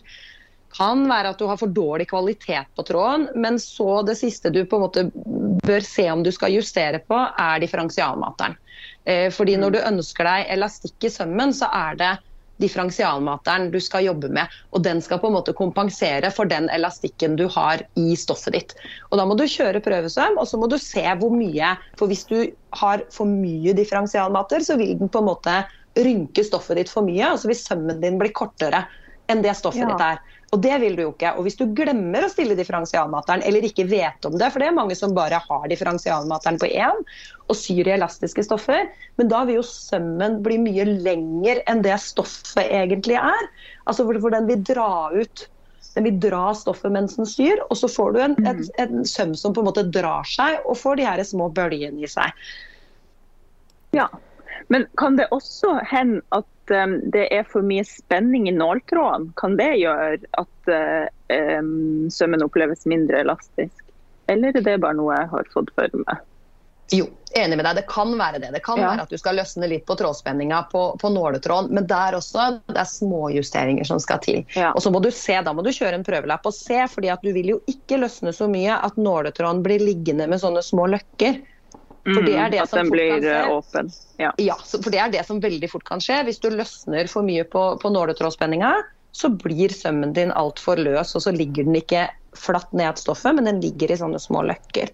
Så kjøre prøvelapp og se hvordan på en måte når du prøver å justere, så se hvordan det eh, ser ut på, på, stoffet ditt, hvordan sømmen ser ut da. Og, ja. ja. Herlig. God mantra. Kjør prøvelapp. Ja, ja, det, det, vet du hva? det er det jeg maser aller mest om på kursene mine. Og det var det jeg gjorde veldig lite av da jeg starta å sy sjøl. men, eh, men, jeg har gjort mye feil, altså. Jeg har spretta opp veldig mye. Prøvelapp er eh, veldig, veldig lurt. Da slipper du liksom unna veldig mange runder med spretteren. Jeg er så enig. Prøvelapp, altså, bruk tid på en prøvelapp. Det er den beste tida du investerer i, i livet ditt. Altså, det er jo Gøy. alltid like hyggelig å ha deg innom, uh, Gry. Du er jo bare en sånn uh, informasjonsbank. Så uh, Og det tipper jeg det er mange som sitter nå med enda flere spørsmål. For det blir jo sånn når man får svar på ett spørsmål, så går det opp et lys, og så kanskje man begynner å tenke på et nytt spørsmål og et nytt spørsmål. og sånn holder man på. I hvert fall sånn har jeg laget. Og hvis eh, folk vil stille deg enda flere spørsmål, eh, så kan de finne deg på Instagram, ikke sant? Og ja. på Facebook.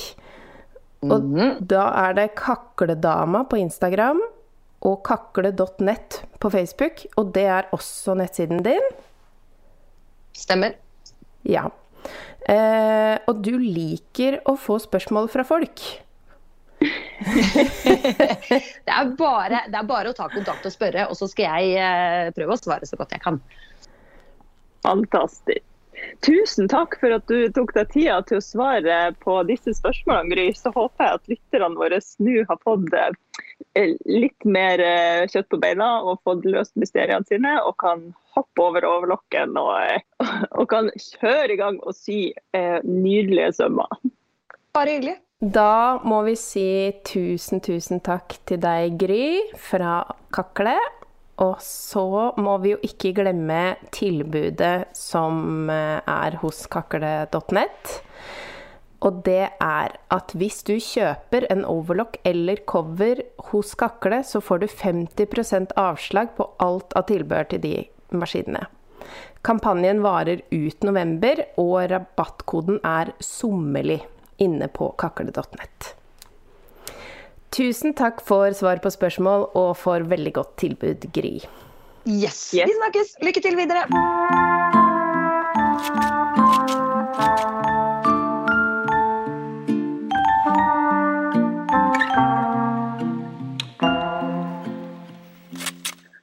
OK, men er vi ferdige med spørsmålene? Nei, vi er jo ikke det. Dere, jo, dere lurer jo på så mangt. Så vi kjør på og peise oss gjennom eh, noen spørsmål til. Gjør vi ikke det, Mari?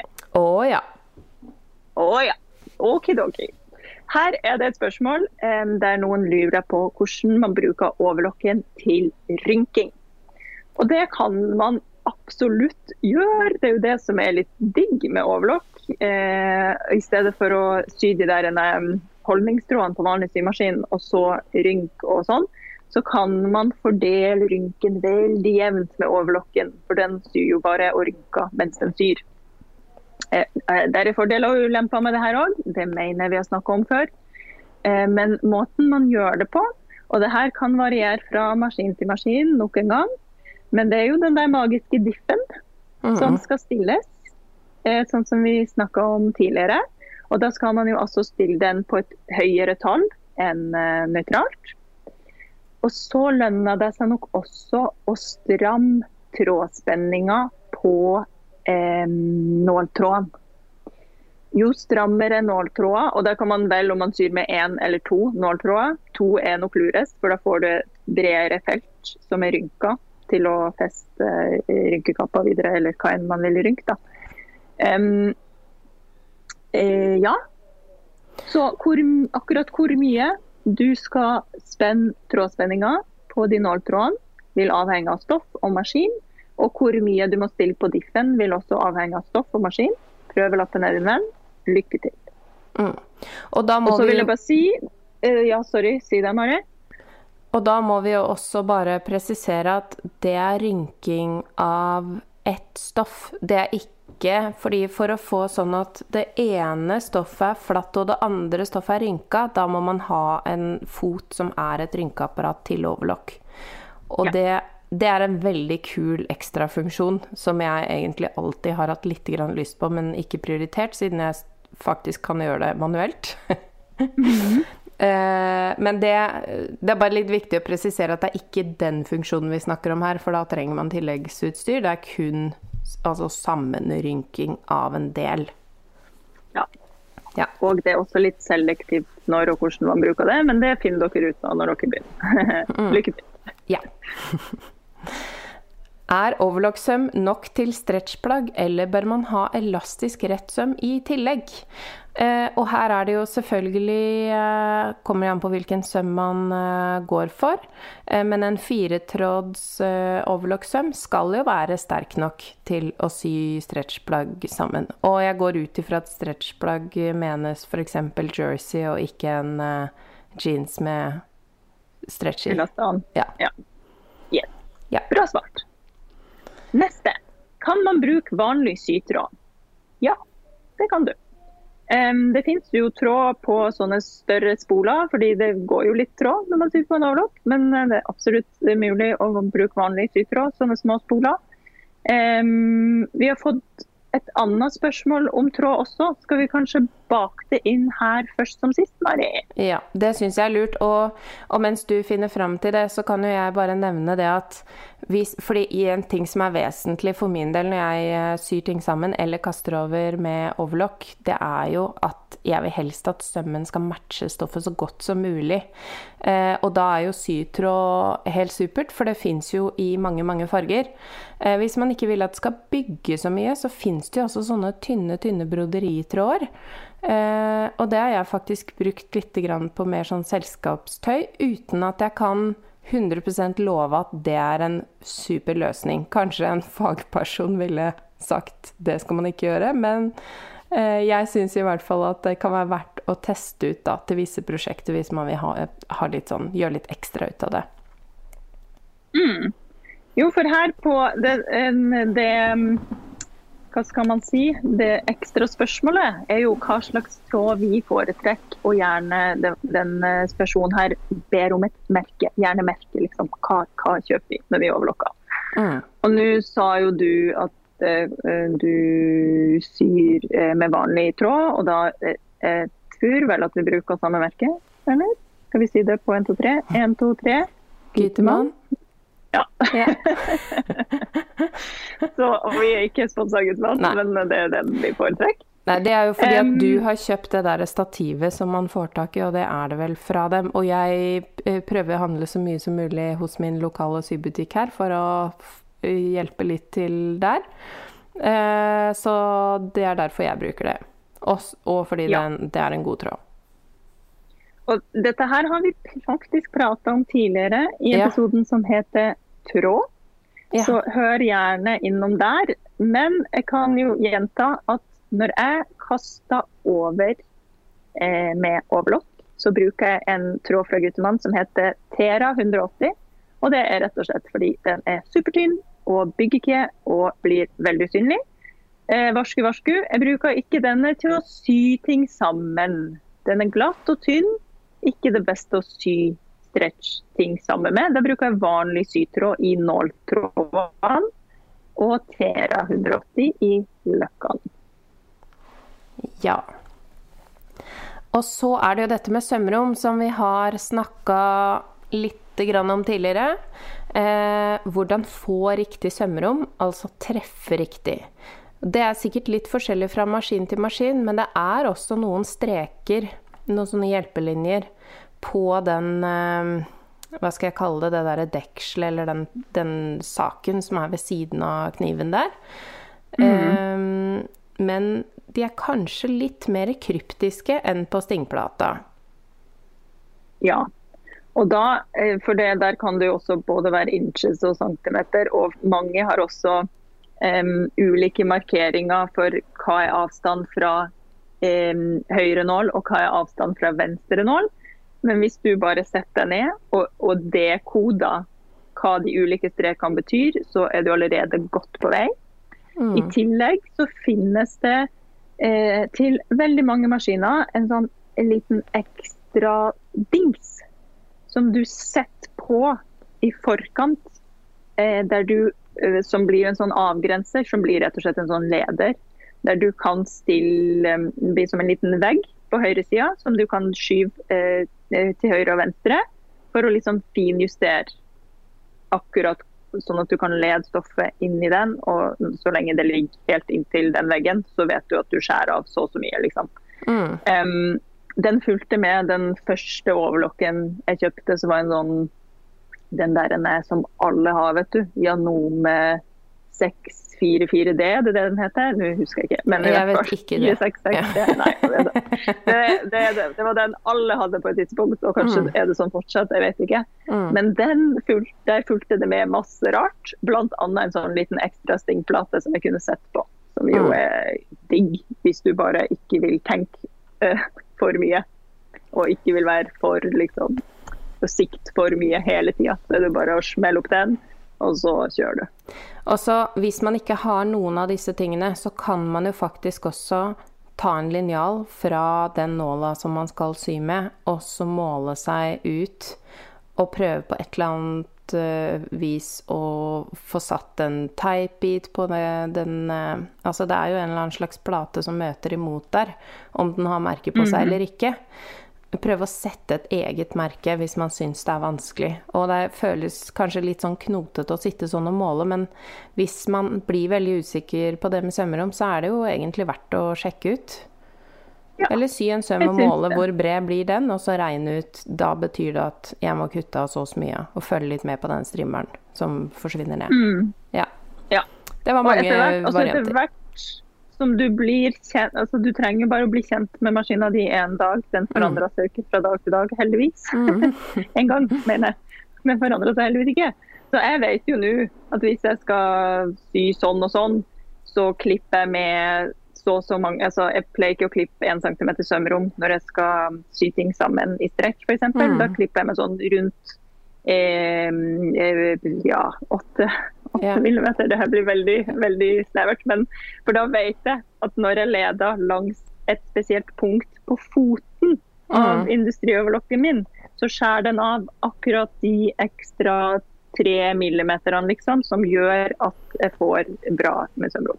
Og sånn er det faktisk på veldig mange stretchmønster. At det er 0,8 som er sømrommet, og ikke, Ikke og noen ganger 0,6. Det kommer sikkert an på typen mønster og sånn.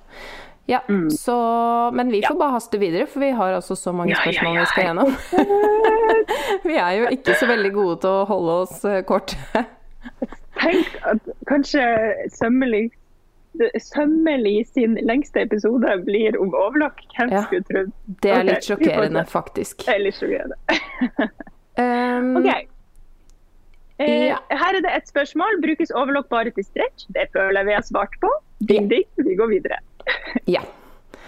Og hvordan stille inn uten å være redd for å gjøre det verre, det er litt vanskelig å, å svare veldig betryggende på det, men som vi har vært inne på, altså still eh, med små justeringer av gangen. Ikke gå en hel justering, altså et helt tall videre, men kanskje bare sånn en halv her og der. Eh, skift tråder til eh, riktig, altså ulike farger, så det er lettere å se forskjell, og kjør prøvelapper. Altså, du ødelegger Ja. jo ikke maskina ved å stille inn. Og man, dessverre nei, nei, nei. så er det sånn at man må bare lære seg det. For ellers så blir tenk... det jo ikke bedre heller. Nei. Og, og jeg, nå skal jeg si eh, noe helt annet enn det du sa, Mari. Men Mm. um, jeg tenker noen ganger for å skjønne, faktisk, så må man liksom ut i ekstremitetene. Men hvis du Mm. da er litt sånn redd for å ikke finne tilbake til, til eh, standard innstilling, ta bilde.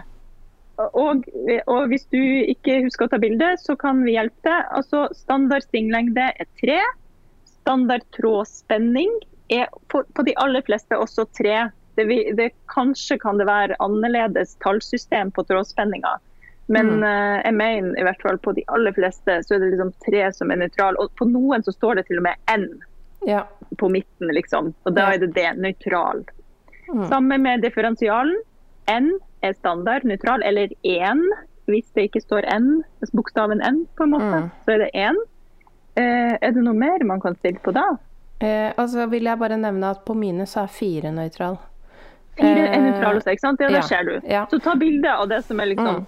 Eller se i, i manualen eller Ja, google. manual. For det er altså det å bare finne tilbake, og blir det veldig rart i det som er foreslått som standardinnstilling, kanskje man skal vurdere en uh, liten At noen tar en titt på den.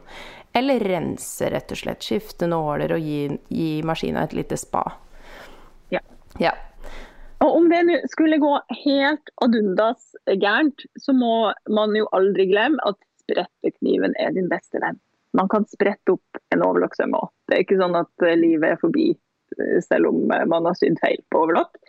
Det kan være litt mer tricky fordi du faktisk har skåret av en del av stoffet, men det går helt fint. Og en enkel måte å sprette opp en overlokksøm, det er å få lirka til seg nåltrådene. Og da gjelder det å ta tak i de fra oversida, altså sånn den sida som ligger opp når du har sydd sømmen. Det kan du øve deg på. Eh, Sy og se hva er oversida, hva er undersida. For på oversida der klarer du faktisk å huke tak i disse overtrådene, altså nåltrådene. Og Hvis du får tak i de, så kan du dra de ut. Dra de ut, så kommer løketråden til å løsne av seg sjøl. Det er litt magisk, faktisk, det der, når man har knekt den koden. Ja. Og noen ganger kan det være tricky. Eh, Da vil jeg, eh, Mitt beste tips hvis det liksom er litt sånn trått å dra, dra én og én tråd. Det er det ofte lettere. Eller dra i sånne små partier. Altså et lite Mm. stykke, dra ut. Neste stykke, dra ut. Mm. Ja. Så er det jo det å tre om overlokken. Når den er tredd riktig, og alt er som det skal, en rask måte å gjøre det på som jeg personlig foretrekker, men det må ikke erstatte det å tre det fra bunnen av, for da er det litt dumt hvis man glemmer hvordan man egentlig gjør det. eh, men da pleier jeg å klippe av trådene, bytte trådsneller, knyte på igjen de nye trådene. Eh, passe på selvfølgelig at det er åpent eh, hele veien og sånn. Foten må være oppe sånn at eh, trådspenninga ikke er på. Og så drar jeg forsiktig de nye trådene gjennom hele systemet.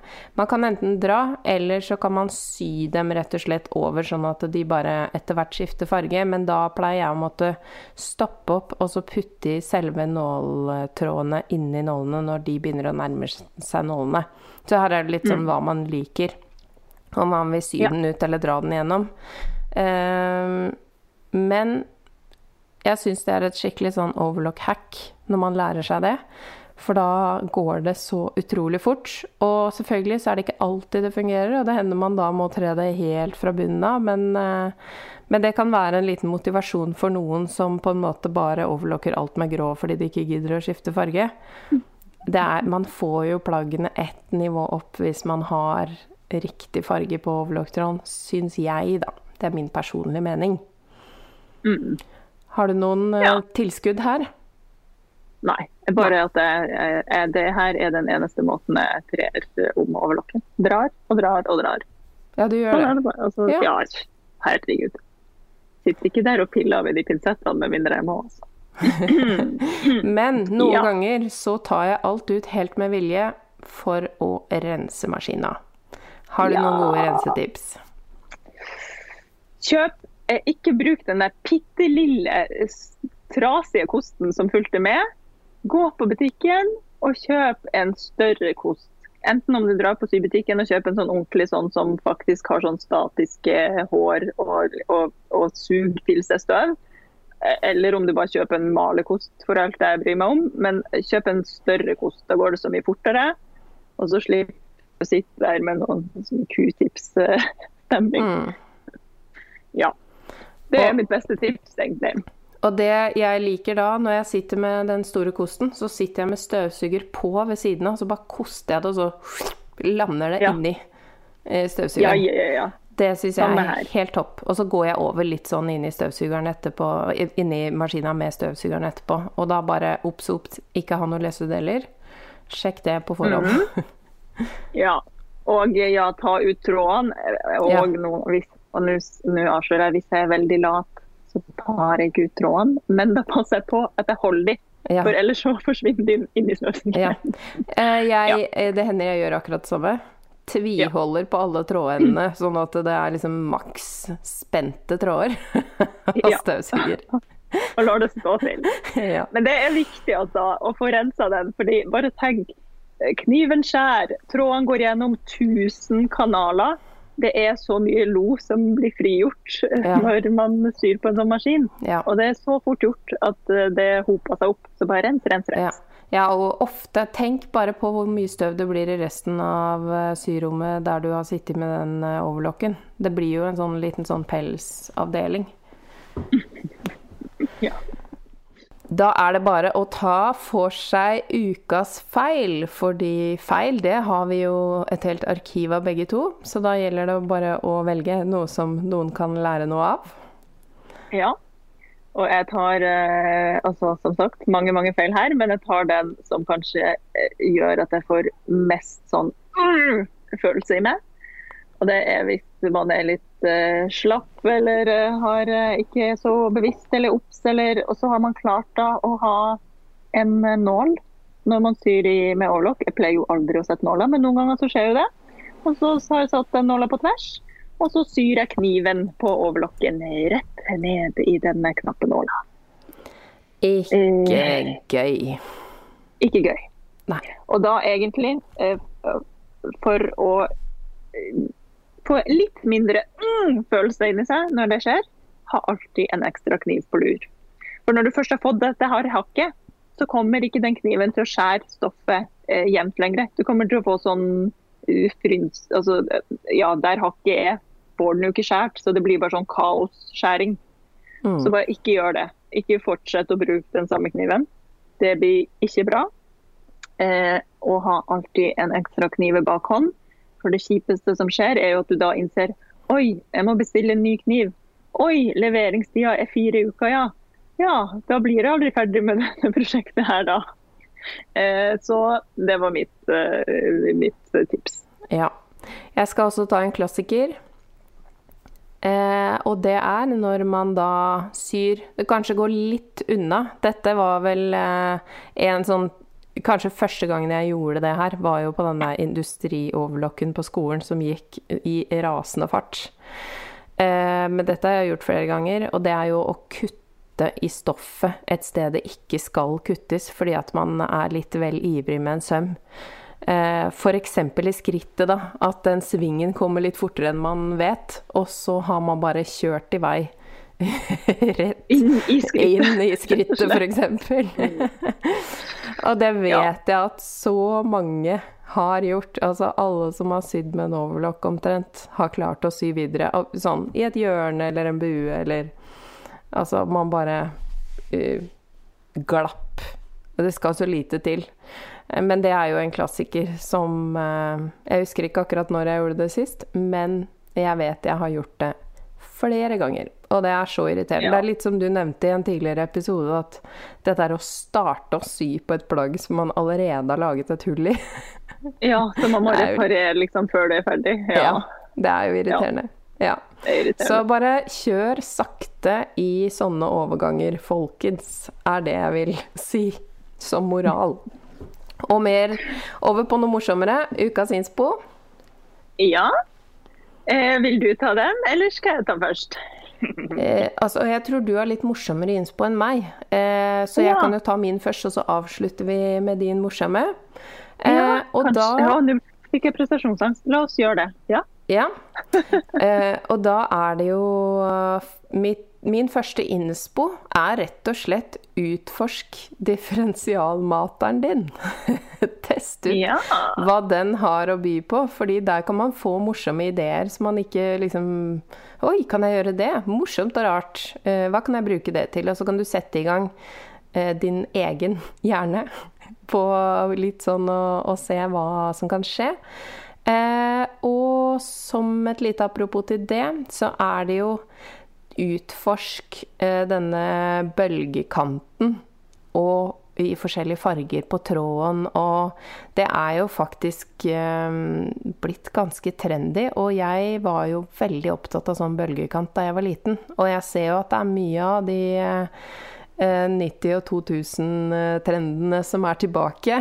Så det er vel kanskje derfor jeg tror jeg brukte opp den bølgekantinteressen min litt eh, på den tida, fordi alt jeg gikk med, hadde det.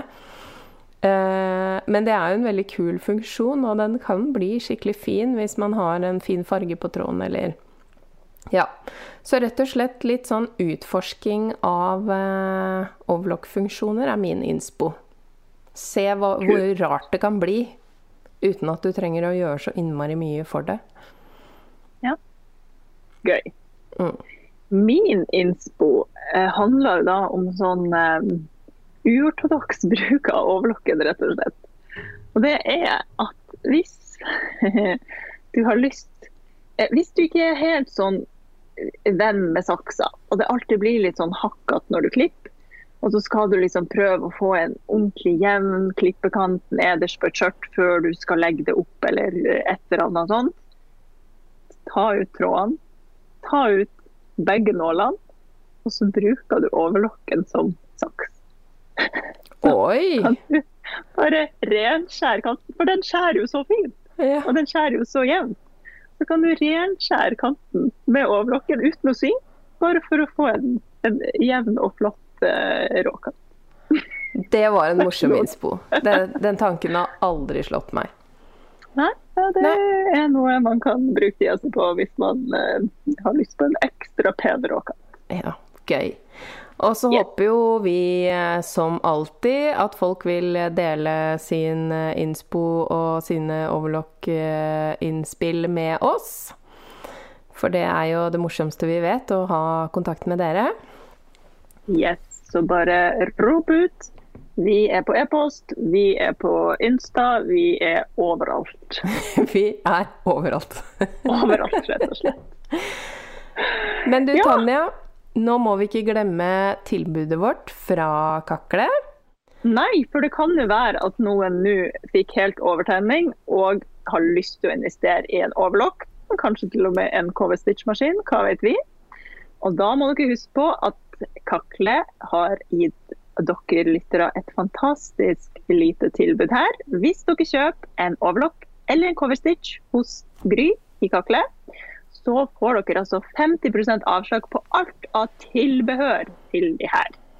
Kampanjen den var ut november, og da bruker dere bare rabattkoden SOMMERLI inne på kakle.nett. Husk at du også finner Kakle på Instagram. Der heter Gry Kakledama. Og på Facebook kakle.nett. Ja, det var det vi hadde om overlock for denne gang. Ja, Det var ikke rett lite heller, du. Men eh, da vi, vi håper vi jo rett og slett at det her ble et skikkelig påfyll til alle der ute som har lurt på det. Det håper vi. Så snakkes vi om en uke. Ja, Og til deg som stilte spørsmålet hva er lurt og ikke lurt, jeg håper at du fikk svar. Vi håper det. Tusen takk for i dag. Takk for i dag. Ha det. Ha det. Tusen takk for at du hører på Sømmelig podkast. Og takk til Andreas Prestmo i Wildtagen Studios for lyd og klipp. Og til Synnøve Overid for den fine musikken. Liker du kaffe? Det gjør vi òg. Hopp inn på patrion.com slash sommerlig og spander en månedlig kaffekopp på oss.